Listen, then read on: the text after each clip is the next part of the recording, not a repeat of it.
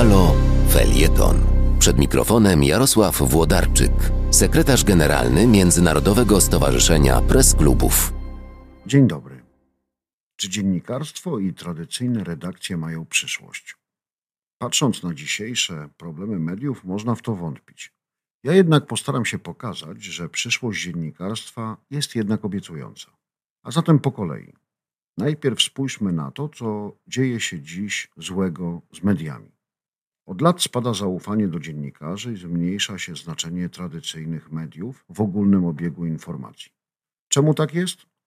Z całą pewnością to fatalny wpływ serwisów społecznościowych, które pasożytują na treściach z mediów, jednocześnie zjadając większą część rynku reklamowego. Ale to zbyt proste wytłumaczenie, bowiem erozja mediów zaczęła się na długo przed erą Facebooka. Ostatnie co najmniej 30 lat to ciągłe ściganie się dziennikarzy z czasem, by podać informacje jak najszybciej, często bez refleksji czy analizy, kosztem spłycenia przekazu.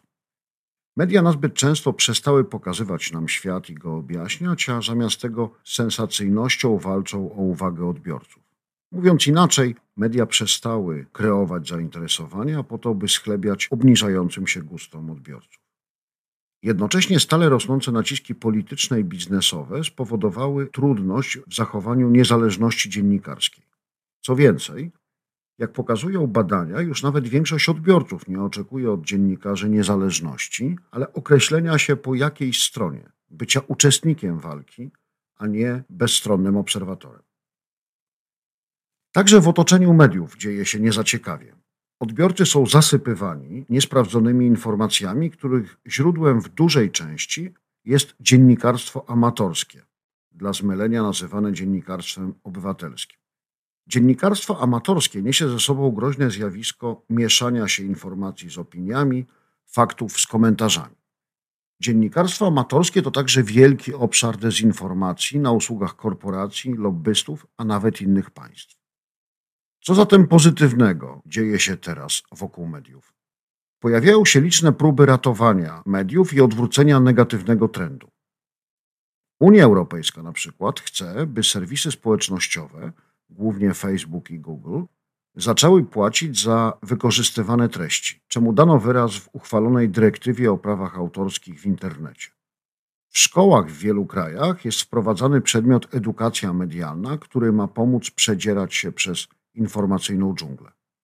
Wiodące agencje prasowe, jak choćby Agence France Press, Associated Press, Reuters czy DPA, i wielkie redakcje, jak BBC, Washington Post, New York Times, a w Polsce choćby TVN, powołały w ramach swoich struktur osobne redakcje fact-checkingowe, weryfikujące prawdziwość informacji krążących w sieci czy wypowiadanych przez osoby publiczne.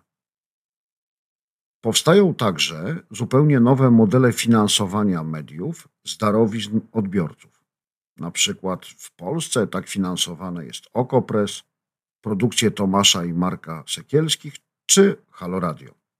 Jednak model finansowania społecznościowego zapewniać może co prawda niezależność, ale sam generuje potencjalnie kolejny problem. Pułapkę dziennikarstwa tożsamościowego, schlebiającego przekonaniom darczyńców a nie w służbie obiektywizmu i prawdy. A jaka przyszłość czeka dziennikarstwo i dziennikarzy?